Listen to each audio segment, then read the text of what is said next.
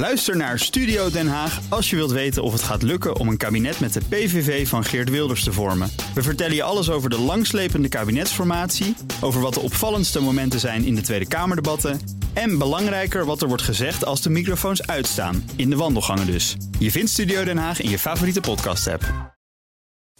De column van Paul Lasseur. De financiële crisis ligt ruim twee jaar achter ons. De economie groeit alweer stevig en bedrijven maken mooie winsten. Alleen de lonen stijgen gek genoeg nauwelijks mee met al die uitbundigheid. Tot vorige week konden beleidsmakers en economen zich het hoofd er nog over breken. Het raadsel van de achterblijvende loongroei. Maar eindelijk is het nu opgelost door de Nederlandse Bank.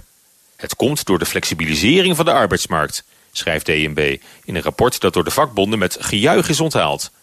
Want werknemersorganisaties en oppositiepartijen roepen al een tijdje dat het kabinet paal en perk moet stellen aan wat zij noemen de doorgeslagen flexibilisering.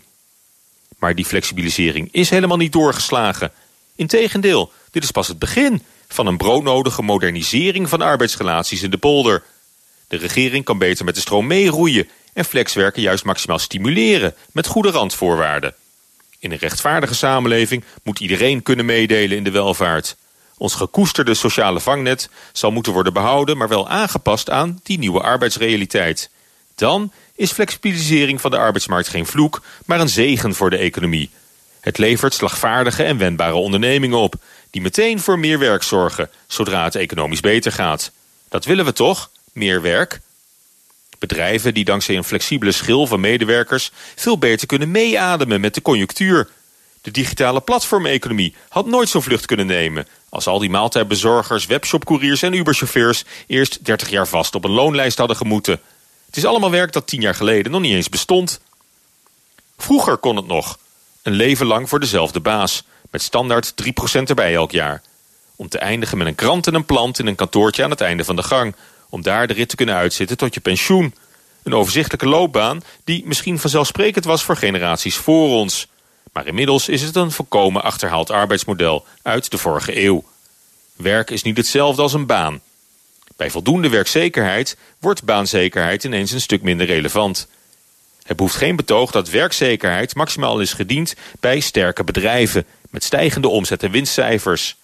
Een groeiend leger ZZP'ers levert daaraan een belangrijke bijdrage. Talenten worden optimaal benut met erkenning, waardering en beloning op basis van geleverde prestaties en niet volgens een CAO. Loonstijging is geen grondrecht. Door de historisch lage inflatie was er de laatste paar jaar ook feitelijk weinig aanleiding om de lonen veel verder op te laten lopen. En die achtergebleven loonontwikkeling is al helemaal geen reden om nu ineens de flexibilisering van de arbeidsmarkt terug te draaien. Prettige maandag.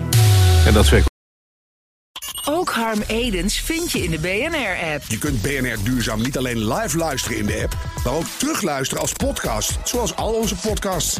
En naast dat de BNR-app Breaking News meldt, houden we je ook op de hoogte van het laatste zakelijke nieuws. Download nu de gratis BNR-app en blijf scherp.